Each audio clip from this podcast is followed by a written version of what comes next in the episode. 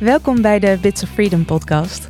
Vandaag hebben we het over contentmoderatie door de overheid.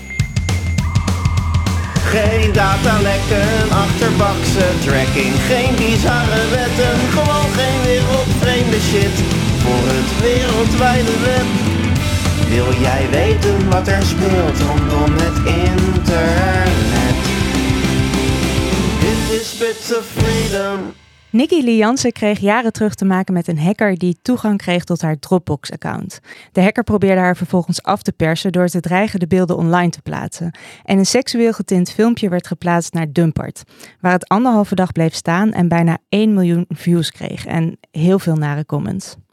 Er volgde een lange strijd om het beeldmateriaal offline te halen, Dumpert voor de rechter te krijgen en de hacker te vinden. Had beter overheidsbeleid dit kunnen voorkomen? Het internet heeft de afgelopen decennia een enorme invloed gekregen op ons dagelijks leven. Het biedt ons de mogelijkheid om informatie te delen en te communiceren op een manier die voorheen ondenkbaar was. Maar het online leven brengt ook enorme uitdagingen met zich mee, zoals doxing, desinformatie en wraakporno. Overheden over de hele wereld grijpen daarom naar online handhaving en contentmoderatie, zoals het verwijderen van illegale inhoud en het reguleren van online advertenties. De overheid die zich bemoeit met wat wel en niet online mag staan. En wat moet worden verwijderd, dat is nogal wat. Het is een vraagstuk dat met respect voor onze fundamentele rechten en vrijheden moet worden aangepakt. Het ministerie van Justitie en Veiligheid is een project begonnen om illegale, onrechtmatige en onwenselijke content op het internet te bestrijden. Als deelnemer van de kritische meekijkgroep kijkt Bits of Freedom natuurlijk zeer kritisch mee met dit project. Ik heb het er vandaag over met Reo Zenger, onze kritisch meekijker van Bits of Freedom. Hoi Reo. Hoi. En natuurlijk doe ik dat samen met onze directeur en ook zeer kritische tafelgast Evelyn Austin. Hallo Inge. Hoi Evelyn.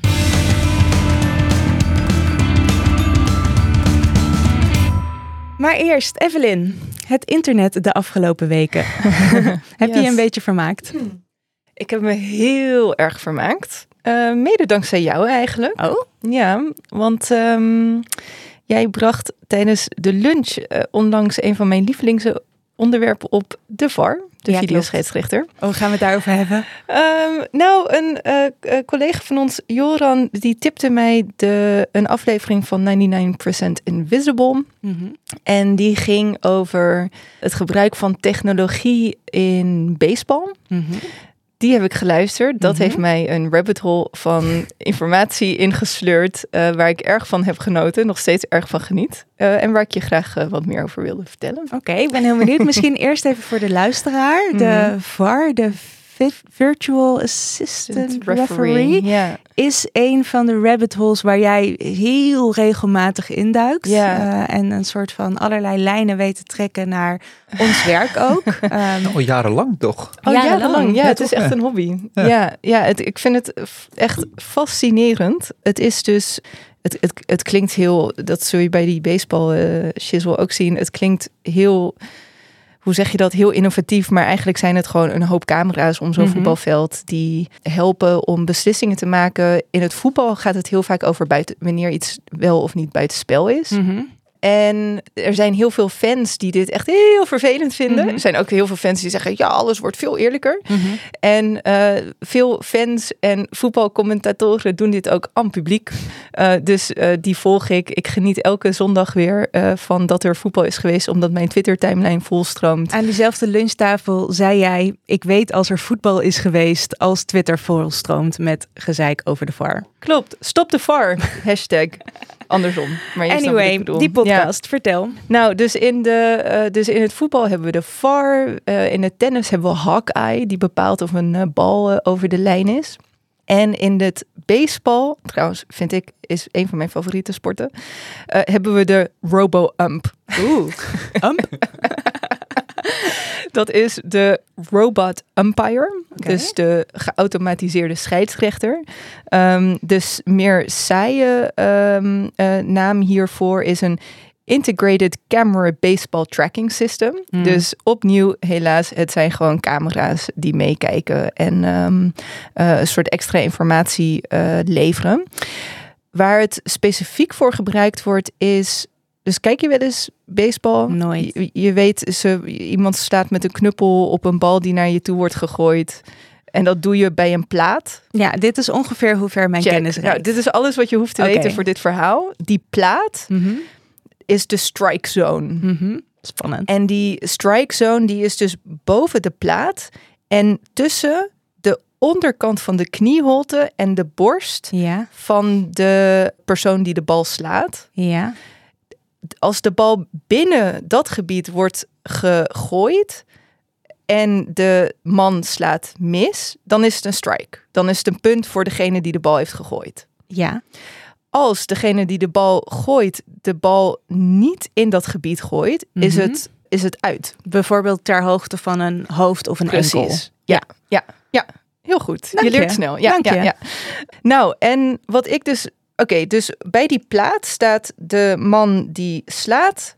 De catcher, die zit, eh acht, die zit op zijn hurken eh, achter de man met de baseballbat. En achter hun staat een van de vier scheidsrechters. En die, het enige wat hij doet, is kijken... is de bal binnen die strike zone geweest? Mhm. Nou, die eh, ballen die komen heel snel aan. Z- 95 mile per hour gemiddeld. Hoeveel kilometer is dat? Keer 1,8 of zo. Oh, dat is wel snel. hard. Snel. Maar die scheidsrechter die doet het in 94 tot 97 procent van de keren. Doet hij de goede uitspraak. De juiste uitspraak. Vond ik best... Nou, anyway. In 2015 besloot de Baseballbond eh, van Amerika... besloot, dat is niet accuraat genoeg. Wij willen 100% accuraatheid. We gaan technologie inzetten.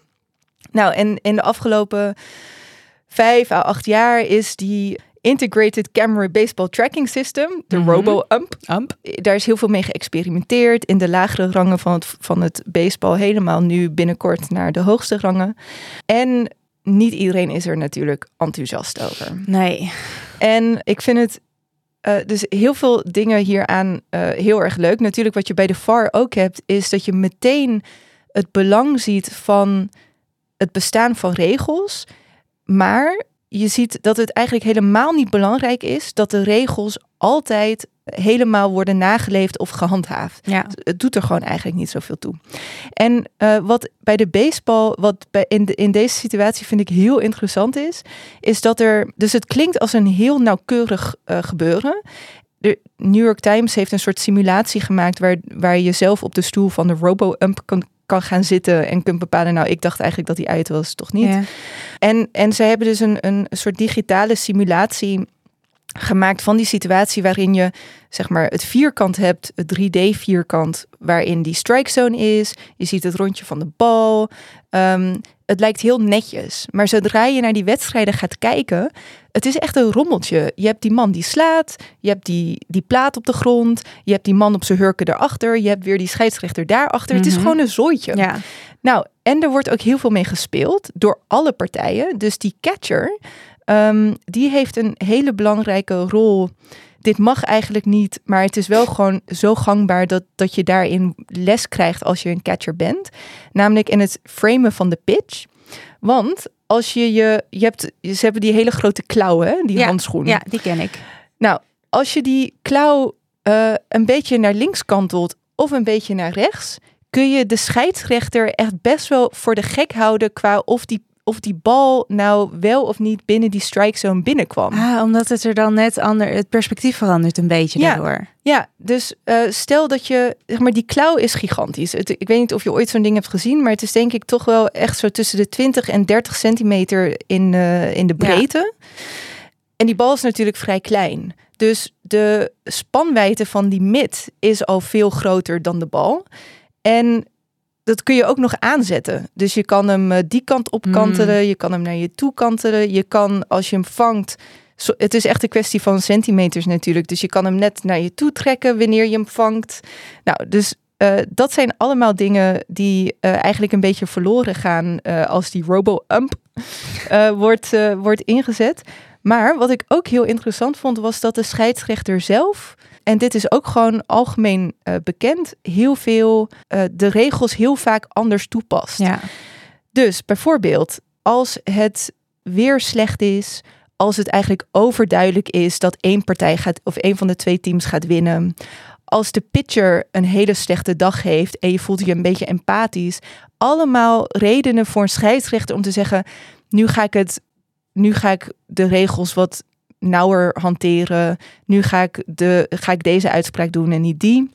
De menselijkheid in de wedstrijd. De menselijkheid. En de scheidsrechter verandert dus wat verandert gedurende de wedstrijd wat hij of zij hittable Hm. vindt. Hm. Dus het gaat eigenlijk veel minder over wat is die strike zone nou precies en waar is in de context waarin we in de wedstrijd staan een hittable bal.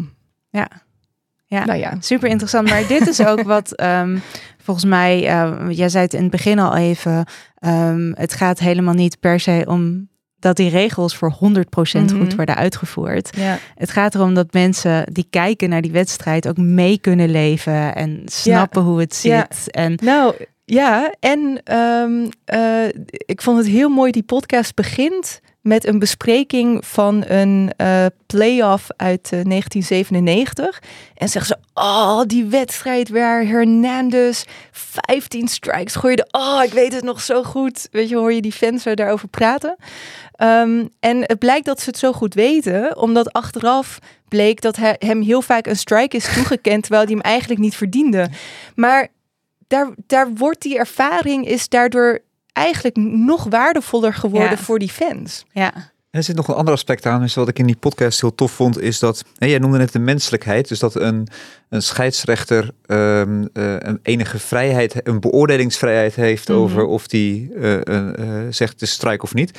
Ehm, maar er zit nog een ander stukje menselijkheid wat ik heel interessant vond, namelijk de vaststelling dat het voor het publiek is het ook gewoon een soort van eh, leuk om van mening te verschillen of de scheids nou de goede beslissing Ah, ja. heeft genomen Ja. of niet. Ja, Dus het is een soort van eh, onderdeel van de beleving van het spel zit hem in eh, kunnen zeggen, scheids, wat doe je nu? Ja. ja, Dat je daar Ja. boos over kan maken. Ja. En als je het allemaal door een computer laat gaan, ja, dan Ja. kun je niet, ja, je kan boos worden op een computer, maar dan is natuurlijk de lol er vanaf. ja en, de, en de what if. Ja, Oh, ja, precies, ja, Als de scheidsrechter, Ja, maar anders, wat had dat voor mijn team Ja. betekend in het seizoen? ja.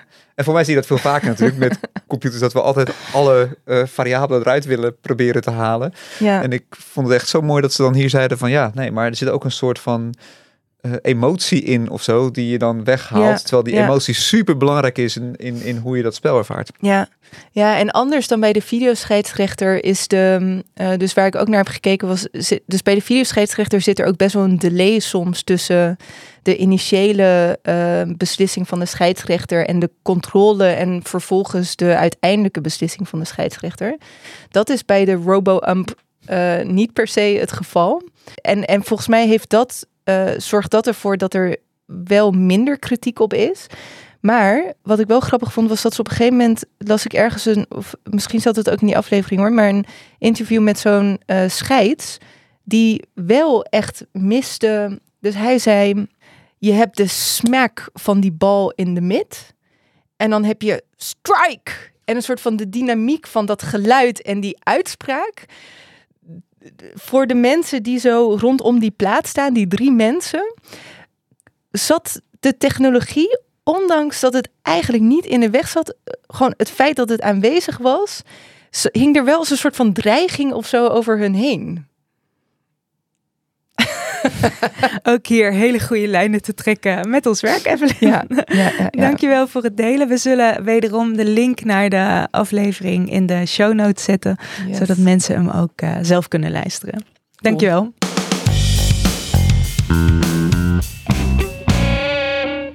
Reo, ik ben even in de Bits of Freedom archieven gedoken. En ik moest heel diep, want jij was zeker in 2010 en misschien nog wel eerder bezig met de overheidsbemoeienis met online content. Ik vond bijvoorbeeld, de overheid mag niet vragen wat zij kan vorderen en mag politie gebruik maken van notice en takedown.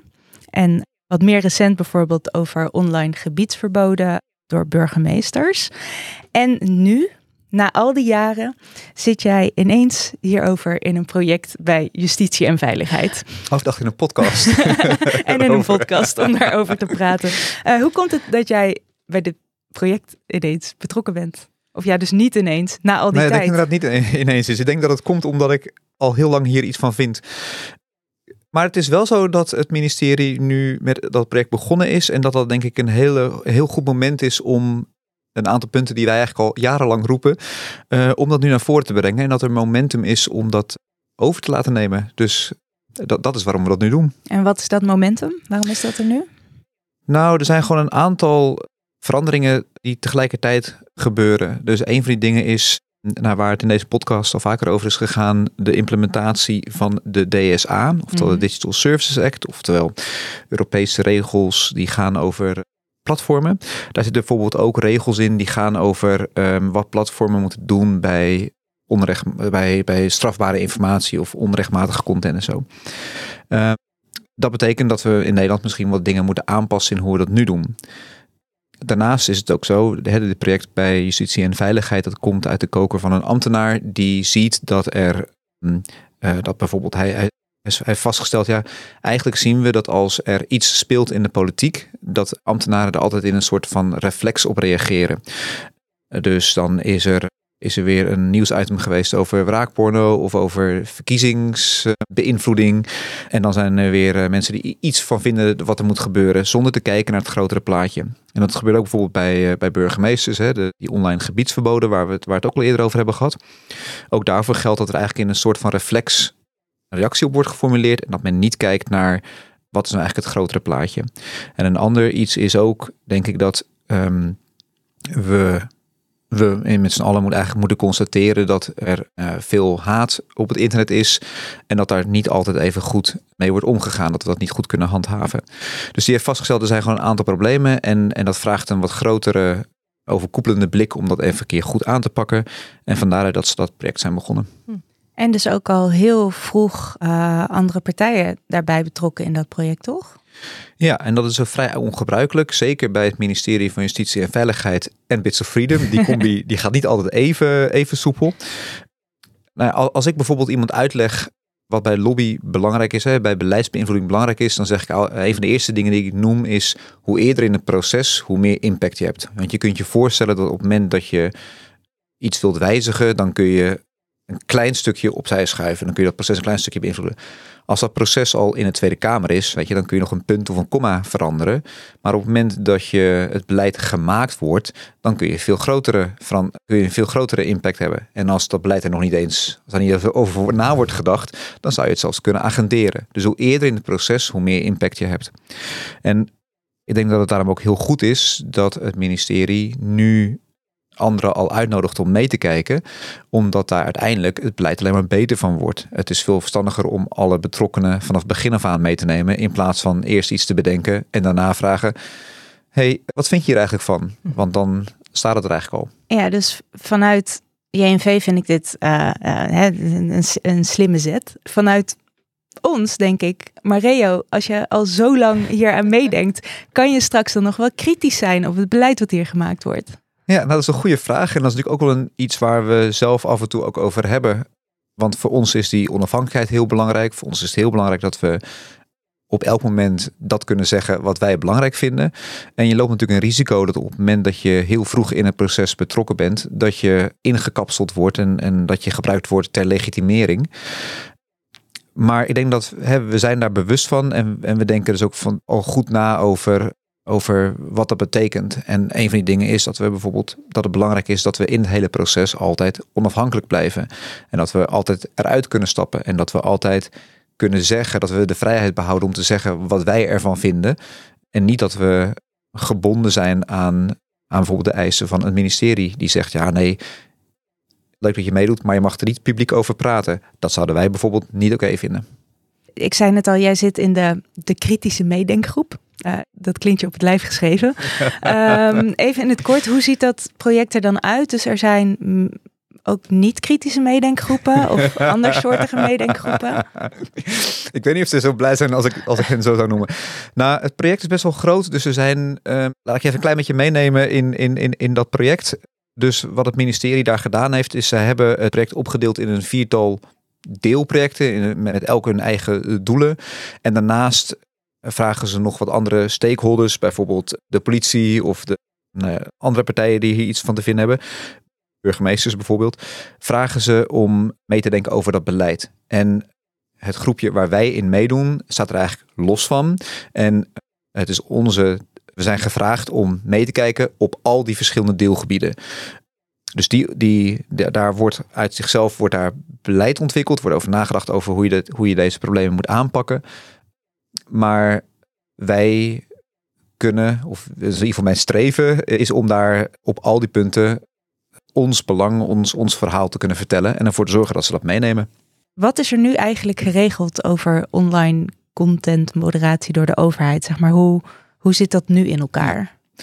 Nou, ik denk dat er al best wel wat geregeld is. Hè. Het gaat over een, een paar dingen, denk ik. Eén is denk ik normering. Dus dat gaat nou over, vooral over wat vinden we eigenlijk wat kan en wat niet kan. En Mhm. een stuk gaat over de handhaving. Dus hè, je kan wel zeggen, dit vinden we niet kunnen. Maar op het moment dat je dat niet kunt handhaven, dan heb je daar niet zo heel veel aan. Dus er zijn verschillende aspecten. En ik denk dat er op zich is wel helder wat die hoofdlijn is. Maar is heel vaak in, in de invulling ervan is dat gewoon niet zo, is dat niet zo helder voor iedereen. En er zijn denk ik een paar dingen die hier denk ik heel goed onder passen. Een paar dingen die we echt al jarenlang ook roepen. Dus bijvoorbeeld bij de introductie noemde je ehm, wat ik heel vaak vragen versus vorderen noem. Mhm. Eh, kijk, de overheid die ehm, heeft in sommige gevallen een bevoegdheid gekregen om informatie te laten verwijderen. En er zitten ook allerlei waarborgen aan vast. Dus er moet soms bijvoorbeeld misschien een rechtercommissaris meekijken voordat dat bevel gegeven mag worden. Ehm, een van de dingen die nu heel vaak gebeurt en wat wij niet oké vinden, is dat een overheid soms vraagt om informatie te verwijderen. Maar ja, als ik op de snelweg rij en er komt een eh, politie, een auto, in een herk- en er komt een herkenbare politieauto voorbij, dan check ik toch altijd even, oh, hoe hard rijd ik nou Mhm. eigenlijk? Rijd ik niet te hard? Terwijl als diezelfde agent, dus, dus wat ik wil zeggen is, uniform straalt autoriteit uit. En dat betekent dat je daar niet meer een soort van heel neutraal naar Dus kijkt. als een politieagent, om het even zo voor me te zien, naar mij toe komt en zegt: Mevrouw, wilt u deze post verwijderen, want het is aanstootgevend, dan zal ik inderdaad waarschijnlijk, nou ja, misschien ik niet, maar Ja. ehm, hè, zeggen: Oké, dat is goed, want je bent toch geïntimideerd, of je denkt: Mhm. deze persoon heeft autoriteit, dus het zal wel Precies. moeten. Op het moment dat jij op straat door een willekeurige persoon gevraagd wordt: hey, mag ik jouw identiteitsbewijs zien? Of wie ben je? Of stop even, alleen, Mhm. alleen al dat. Dan steek jij waarschijnlijk je middelvinger op en loopt gewoon door en denkt: ja, dikke doei. Maar op het moment dat een agent dat van je vraagt, dan doe je dat misschien ook. Maar, maar dat zit potentieel, er zitten potentieel consequenties Ja. aan vast. Dus daar Ja. denk je wel Mm. twee keer langer over na. Ja. En het gaat ook over content online. En ik denk dat het super belangrijk is dat, de, dat, je daar, dat we daar heel kritisch over zijn. Ja. Dus er zijn situaties waarbij het oké is dat de politie dat bijvoorbeeld mag vragen.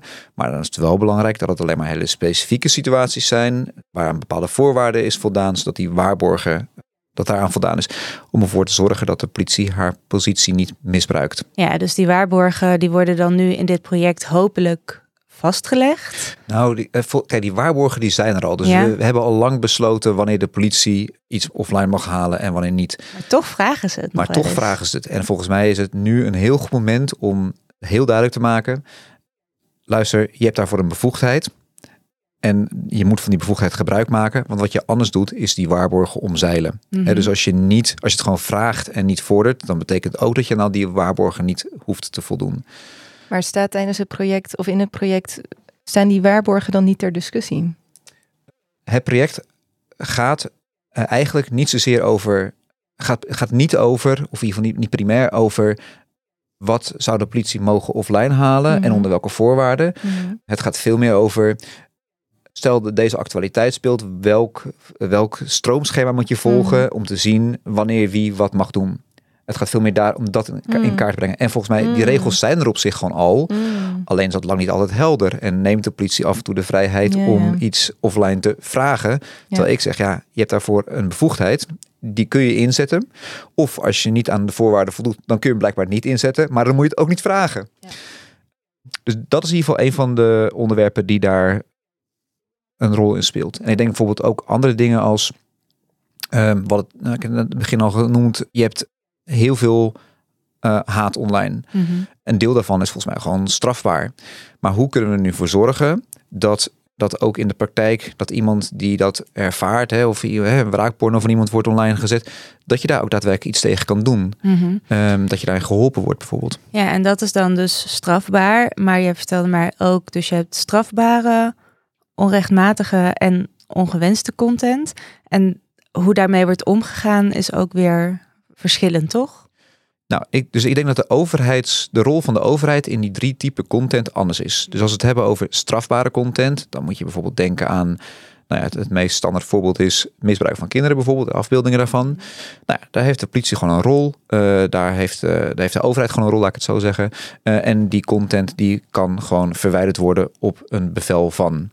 Um, dan heb je uh, onrechtmatige content. Dat is bijvoorbeeld als jij een uh, foto's van mij zou delen waar ik niet uh, blij mee ben. Hè, het, natuurlijk het uh, Nicky Jansen voorbeeld uit het voorbeeld, of uit, het begin bedoel ik.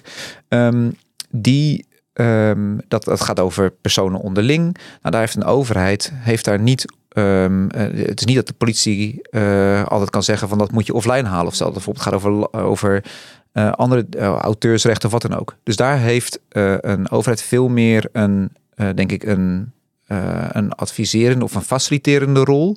Um, om, om burgers te helpen om, dat, om daar goed mee te dealen. Um, en niet, niet dat ze dat kan vorderen. Terwijl je dan bij de ongewenste informatie, dat gaat bijvoorbeeld over fake nieuws en dergelijke, ja, daar heeft de overheid gewoon geen enkele rol. En die moet daar ook van wegblijven. Het is natuurlijk wel een hele dunne lijn waar we het over hebben. Uh, met een overheid die zich bemoeit met wat er wel of niet online mag blijven staan en wat er mag gebeuren. Ik, ja, ik vind het altijd best een, een moeilijk gebied ook, zeg maar. Want bijvoorbeeld, nou ja, met dat voorbeeld van uh, die Nikkeli Jansen in het begin. Um, zij is gehackt. Het zijn heel duidelijk filmpjes die zij niet zelf online wil hebben. Um, ze krijgt, nou ja, kreeg ook een enorme bak met nare comments nog over zich heen daar op Dumpert. Ja, hoe, hoe moet ik dat dan voor me zien? Jij zegt dat is dus tussen twee personen.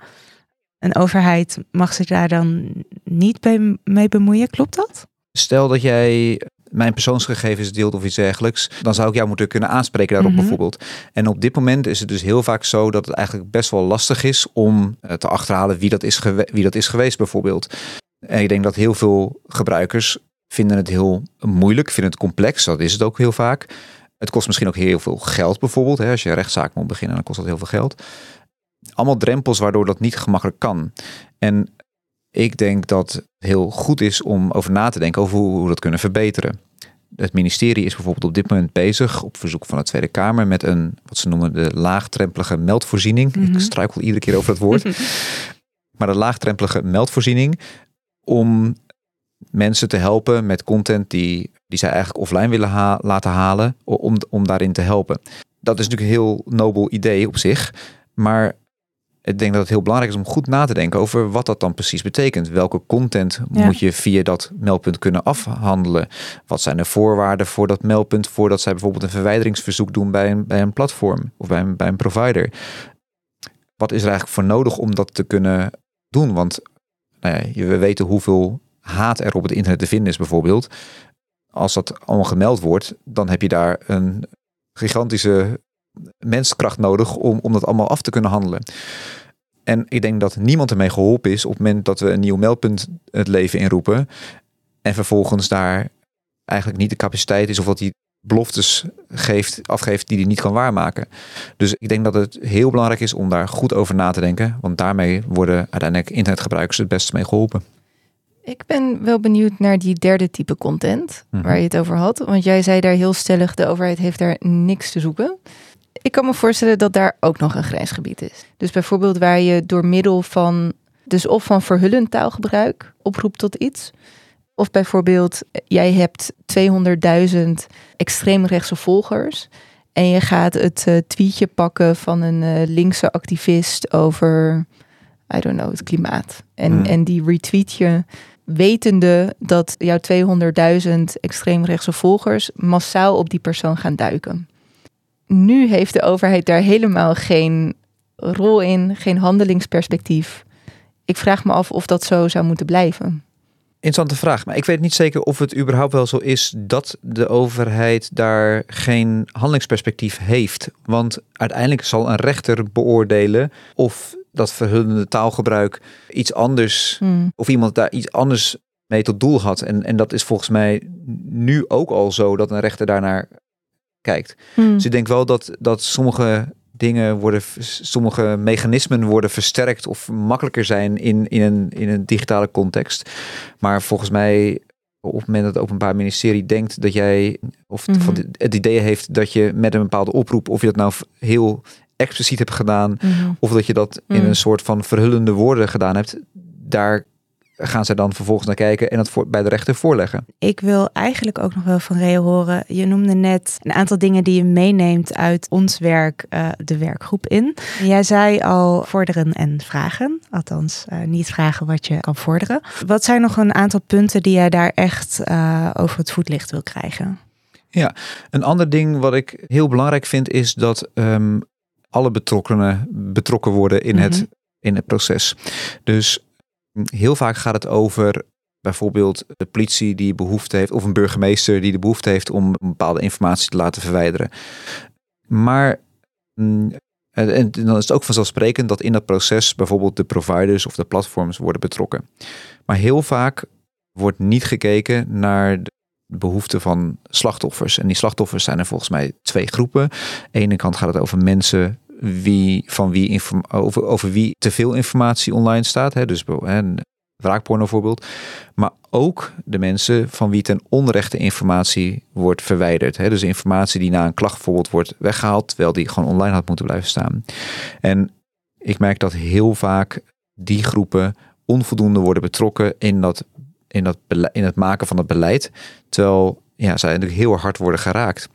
Eh, En die wil je ook actief in dit project eh, betrekken? Of maak jij je hard voor hun punten binnen dit project?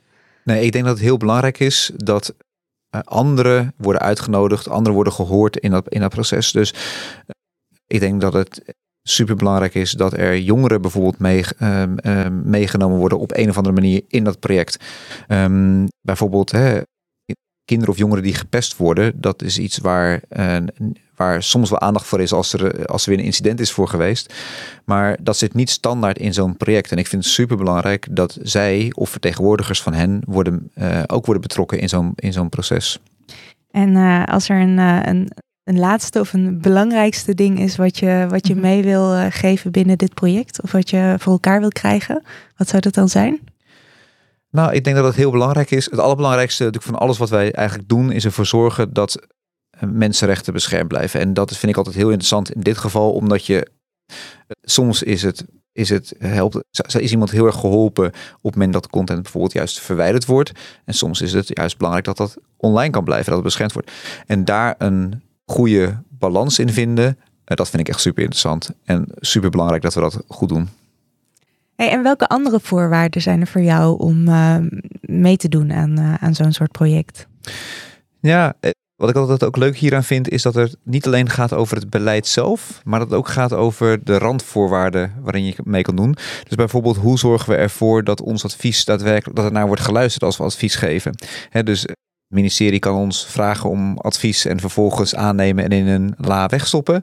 Of we kunnen het ministerie dwingen om er daadwerkelijk naar te kijken en beslissingen over, daadwerkelijk mee te nemen in haar beslissingen. En bijvoorbeeld ook de ambtenaren zullen ons steeds vragen stellen over, joh, wat vinden jullie hiervan? Maar ik ben ook benieuwd naar de vragen die zij niet stellen. Mhm. Dus in die andere deelgroepen, waar wordt over gesproken, waar ik wel iets van vind, maar wat niet op tafel komt. En het is eh, denk ik belangrijk voor ons ook om goed na te denken over hoe zorgen we ervoor dat we weten wat er speelt, zodat we er iets van kunnen vinden. Ja, want is er een soort van mogelijkheid voor jullie ook om onderwerpen aan te dragen die belangrijk zijn voor die andere groepen? Nou, dat is dus zo'n, zoiets. Stel dat in die andere groepen iets niet wordt besproken, Mhm. waarvan wij vinden, joh, in, die, in dat deelproject, dat is het eigenlijk, je kan niet om, dat, om die ene vraag heen. Ik wil dan de mogelijkheid hebben dat ik kan zeggen, luister, goed dat je daarmee bezig bent, maar vergeet niet dit aspect ook mee te nemen.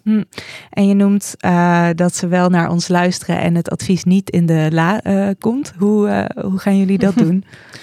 Nou, daar is de groep, zijn we met die groep nog niet helemaal over uit. Maar ik kan, hè, ik kan me bijvoorbeeld voorstellen dat je afdwingt dat het ministerie. Stel dat je je adviezen in, in punten formuleert, dat zij op elk van die punten een inhoudelijke reactie moet geven. En een afweging bijvoorbeeld moet geven van joh, eh, dat is een goed advies, maar doen we om deze en deze reden, nemen we dat niet mee. Of dat is een goed advies en dat nemen we zeker over. En jullie wilden je advies ook nog onafhankelijk kunnen publiceren, toch? Ik denk dat het, dus als het gaat over het afdwingen, dat het wordt meegenomen. En ook in het kader van uh, transparantie naar onze achterban bijvoorbeeld, is het denk ik heel goed als, als we zouden kunnen zeggen.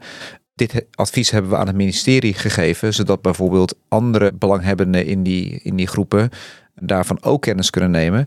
En dat ook andere eh, daarbuiten weer ook goed kunnen zien van ja, hey, Bits Freedom en, en, de, en de collega kritische meekijkers mhm. hebben het ministerie gezegd, hier moet je extra op letten. Uh, en het ministerie heeft daar al dan niet naar geluisterd. Dus ik denk dat het heel belangrijk is dat anderen ook mee kunnen kijken met wat wij doen. Ja, dus dat zijn nou ja, goede voorwaarden om uh, überhaupt mee te doen. Maar wat, wat zijn andere afwegingen die je hebt gemaakt toen je hiervoor gevraagd werd? Nou ja, ik denk, dus ik denk dat het super belangrijk is dat wij vroeg in het proces mee kunnen praten, omdat we dan daadwerkelijk ook echt veel impact kunnen hebben. En het is dan aan ons om ervoor te zorgen dat we daarin heel onafhankelijk kunnen zijn. Want die onafhankelijkheid zorgt ervoor dat wij ons werk goed kunnen doen. Mhm. En dat uiteindelijk het beleid voor de internetgebruiker beter is. We hebben het over geld gehad, mhm. bijvoorbeeld. Krijg je hier een vergoeding voor? Krijgt Bits of Freedom hier een zak met geld voor? wij krijgen hier geen zak met geld voor, al was het maar omdat wij dat niet willen. Maar er is inderdaad binnen die groep gesproken over wat je, of er een vergoeding tegenover zou moeten staan en, en wat die vergoeding zou moeten zijn. En ik kan natuurlijk heel gemakkelijk zeggen, ja, voor Bits of Freedom, daar voelen we ons niet gemakkelijk bij. Want we willen juist zeker van zijn dat we onafhankelijk zijn en niet vanwege geld bijvoorbeeld bepaalde dingen wel of niet gaan vinden. Maar tegelijkertijd is het natuurlijk ook belangrijk om te kijken naar de situatie van de andere mhm. leden in die groep. Want uh, als jij een ZZP'er bent en je laat hier ander werk door voor schieten, ja, dan kan ik me voorstellen dat het wel belangrijk is dat je op zijn minst bijvoorbeeld je onkosten worden vergoed. Uh, dus ik weet niet of daar altijd zeg maar één manier is om te zeggen het moet zo en zo geregeld zijn. Maar het is denk ik ontzettend belangrijk om er bij het begin van het project goed over na te denken over um, uh, wat gebeurt er met geld.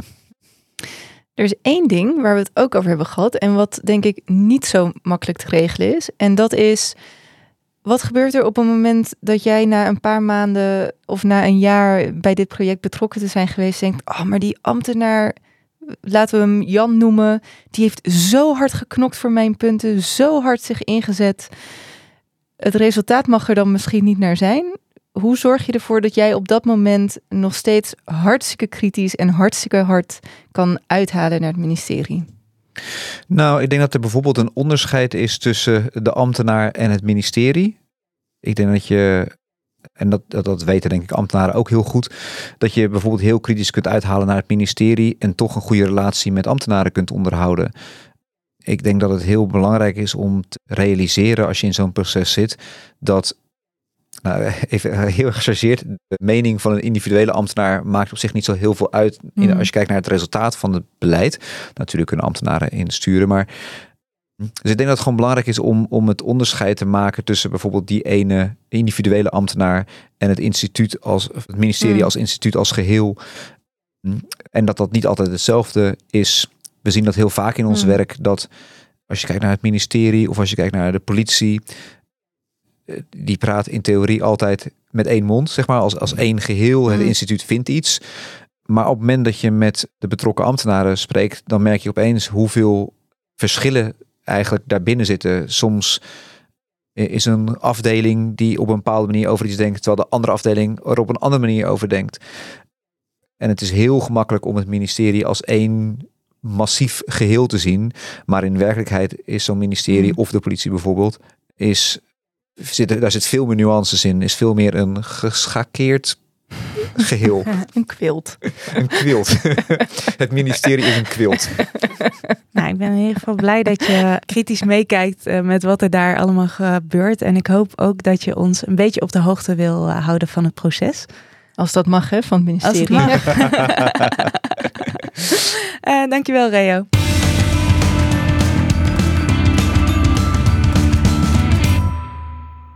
We sluiten de podcast elke week af met een telefoontje naar iemand met een bijzondere kijk op het internet. Deze week is dat Sueda Isik, uh, historicus, punker en redacteur memes en onderzoek bij NRC. Elke week struint zij voor de krant het internet af op zoek naar de nieuwste ontwikkelingen. Onlangs stuitte zij op een bijzonder goede meme van een Honda-dealer uit Wilsonville. En schreef ze een rubriek over waarom sommige memes nou ineens zo goed zijn en andere mega cringe. Ik ga haar bellen. Hallo. Hey Zweda, met Inge van Bits of Freedom. Jij stuitte op die meme van die autodealer die viraal ging. Iets met een hele dikke kat. Hoe, hoe werkte dit? Waarom werkte deze meme nou zo goed? Nou, ik was een beetje hersendood aan het scrollen op mijn telefoon, uh, zoals gewoonlijk. En ik kwam uh, één filmpje tegen en da daar moest ik een beetje wat sneller um, lucht uit mijn neus blazen. Wat je doet wanneer je iets uh, wel grappig vindt. Mm -hmm. en uh, dat was dus wat ik dan zag. Ik, ik, uh, ik zag een Honda dealership, een gebouw. En dat bewoog langzaam over het scherm. En opeens zie ik op het dak een hele grote dikke kat. en die begint zo te swingen. die gaat zo lang swingen op een... Um, op een zullig liedje. Um, dus ik dacht, oh ja, dit is echt heel nice. Ik heb het ook meteen doorgestuurd naar vrienden. Mm -hmm. um, en wat dit, zo, wat dit zo perfect maakte was, ja, Honda, dat is niet echt het meest sexy automerk uh, die er is. En een, een, een dikke kat die, die aan het dansen is uh, op een uh, zullig liedje. Ja, dat was dus een perfecte combinatie van twee zullige dingen die bij elkaar kwamen. Mm -hmm. um, en op dat moment was dat soort van een, massa uh, een humormassage voor mijn brein. Waarvan ik dacht van, oh ja, dit is echt leuk. Wat heerlijk. Hey, en later hebben ook andere automerken zoiets geprobeerd. Maar dat werkte dan weer niet. Waar ligt dat dan aan? Ja, bijvoorbeeld, ik zag, uh, ik ging uh, um, doorzoeken en toen zag ik dat uh, een Mercedes-dealer uit Amerika dit ook heeft geprobeerd, maar nauwelijks likes binnenkreeg. Um, en dat is en dat een BMW-dealer dit ook had geprobeerd in Amerika en dat zij ook nauwelijks likes kregen. En ja, het is eigenlijk hartstikke simpel. formule kl klopte niet meer. Ik bedoel de niet zo sexy automerk, dat was. Um, dat werd eigenlijk verruild voor wel een sexy automerk. dus ja, um, dat, dat klopte niet meer. Ik bedoel, een kat kan dansen zoveel je wil boven een uh, BMW-winkel. Maar uh, zullig wordt het niet, want BMW is gewoon, ja, iedereen wil een BMW. Ja, dat is waar. Dat is met een Honda toch anders. hey, en Zweden, welke was eigenlijk de eerste? Weet je dat? Was de Honda-dealer ook de eerste? Gingen de anderen die nadoen? Ja, Honda, uh, Honda dealer was de eerste. En de dikke kat, dat is uh, Maxwell the Cat. Mm -hmm. Dat is uh, gewoon een beroemde meme. Een beroemde meme kat. Maar ja, ik heb natuurlijk gecheckt wie eerder was. En de Honda dealer was eerder. Dus de andere twee hebben het gewoon nageaapt. Ja, oké, okay, oké. Okay. Nee, dat is wel even goed om, om vast te stellen. Hey, en Nederlandse bedrijven zoals bol.com gebruiken ook best wel vaak memes om hun uh, producten te promoten. En soms werkt het, maar vaak is het ook gewoon ja, heel cringe. Hoe, hoe komt dat? Of deze memes nou geslaagd zijn of niet. Het gebruik van memes voor commerciële doeleinden, ja, dat blijft gewoon ongemakkelijk. Uh, omdat memes, die zijn inherent non-commercieel. Um, het zijn eigenlijk openbare informatiedragers op het internet. Ze zijn van iedereen. Op het moment dat Maxwell the Cat wordt gebruikt uh, voor, uh, bovenop een Honda dealership, dan, wordt dat, dan is die meme van het internet, van ons allemaal. Mm -hmm. Maar Um, wanneer commerciële bedrijven hier dan mee wat mee proberen te doen, te bereiken. Um, Bol.com um, en Ryanair doet het ook. En Coolblue ook. Als zij dat doen, doen zij dat voor commerciële doeleinden. En dat, dat zien wij mensen natuurlijk. En dat voelt dan gewoon ongemakkelijk. En dan, dan bedoel je dat ze echt een soort van commerciële memes proberen te maken? Want in principe deden de Honda-dealer ook zoiets, toch? Ja, klopt. Bij die Honda-dealer is het ook uh, achteraf gezien ongemakkelijk, maar de meme is gewoon heel leuk. maar met bol.com bijvoorbeeld, wat zij doen is, zij hebben een super gelakt, uh, perfect feed van allemaal um, blauwe tegeltjes vooral, gewoon in hun eigen kleur. Um, met dan uh, producten erop. Dus het is echt heel duidelijk dat het uh, om een product gaat. Maar bij de Honda dealership was het eigenlijk zo'n spontaan filmpje. Het was ook zo gefilmd dat het leek op content die iemand zoals jij en ik zouden kunnen maken. Bijvoorbeeld wanneer we ons huis of onze nieuwe school, et cetera, op social media willen, willen delen. Dus ze hadden het heel slim aangepakt. En um, het leek erop alsof het door echt een, uh, een persoon was gedeeld en niet door een bedrijf. Ja, en dan, dan werkt het toch, toch beter. De afgelopen tijd hebben we natuurlijk ook best wel veel politieke memes gezien. Uh, ik, ik vind het altijd super naar om dan politici een soort van, nou ja, grappig te zien doen of te denken: dit is een TikTok-trend, ik ga dit ook doen. Um, maar jij vertelde mij dat er eigenlijk een hele internet-niche is van een soort van politieke memes die wel werkt, toch? Waar ligt dat dan aan? Er zijn, uh, je hebt de categorie uh, politieke memes en die worden gemaakt door voornamelijk jongeren. Um, dat kunnen linkse, rechtse, uh, centrum links, centrum rechts, noem maar op. Die kunnen alle kanten opgaan. Mm -hmm. um, en die zijn dan hartstikke snedig omdat uh, ze door jongeren worden gemaakt. En zij, weet, zij gebruiken, uh, zij gebruiken al bestaande meme templates om dan hun boodschappen te verkondigen of hun standpunt. En dat, dat, dat is dan hartstikke grappig vaak, uh, ondanks of, dat je ermee eens bent of niet, omdat ze, um, ja, het zijn gewoon memes, maar dan met verschillende politieke meningen. Dan wordt het leuk. Maar je hebt ook dat politieke partijen zelf op hun eigen accounts memes uh, gaan proberen te maken en te delen. Mm -hmm. Soms zijn ze grappig, moet ik toegeven. Maar vaak uh, is het idee al dat ik moet denken aan bijvoorbeeld, als het een CDA-meme is, dat Wopke Hoekstra dan een meme zit te maken. Zo'n idee krijg ik, dat een volwassen man uh, memes zit te maken, of hij het nou maakt of niet. En dan denk ik, oh, het is best wel cringe, want uh, wat weten zij nou van memes? Ze willen ook hip uh, zijn. Ja, en ook omdat het dan zo heel duidelijk is om de jonge doelgroep te bereiken. Hmm. Ja, een soort van how do you do, kids? uh, het is net je, het is net je uh, ja, oude oom die probeert cool en hip te zijn. Um, het kerstdiner. Ja, ja pijnlijk. Hey, en als afsluiter, hè, jij, zit, jij zit natuurlijk helemaal in de memes. Wat gaan we komend jaar zien uh, voor een uh, trends in uh, meme-internet? Heb jij een voorspelling voor ons? Wat ik de afgelopen maanden heb gezien, is dat er een bepaald soort meme populair begint te worden op TikTok. En dat, uh, uh, uh, en dat hoekje op TikTok heet Niche Talk. En daarin worden als het ware niche memes gemaakt. En het doel van deze memes zijn het verwarren. Het, uh, um, en jou eigenlijk achterlaten met een melancholisch gevoel, met een uh, verloren gevoel. Um, en dat doen ze, uh, denk ik, omdat. Um, jongeren worden tegenwoordig zo erg gebombardeerd met informatie op het internet, mm -hmm. dat ze zich heel verloren voelen. En dus proberen ze dat gevoel te vangen in memes. Of eigenlijk als het ware na te bootsen. Hoe zo'n meme eruit ziet is... Je hebt een deprimerend muziekje. Um, vervolgens zie je mensenmassa's op een regenachtige avond in een winkelstraat.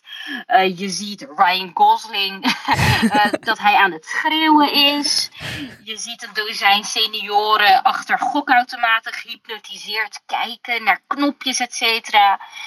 En dan denk je, oh, waar gaat de wereld naartoe? En dat is wat die memes proberen te vangen. Want heel veel jongeren voelen um, op het internet constant van waar gaat het allemaal naartoe? Alle informatie, alle technologie. En daarom maken ze eigenlijk hartstikke sombere, duistere en verloren memes. Jeetje, nou, dat, uh, dat klinkt niet vrolijk. Uh, maar uh, ik ben wel blij dat je ons gewaarschuwd hebt. Want dan kunnen, kunnen we bij tijd onze TikTok weer afsluiten. En er niet melancholisch van worden. um, in ieder geval heel erg dankjewel dat, dat je ons even mee wilde nemen in, um, in de memes. Hey, hartstikke bedankt. Yes. Doei, doei. Oké, okay, doeg.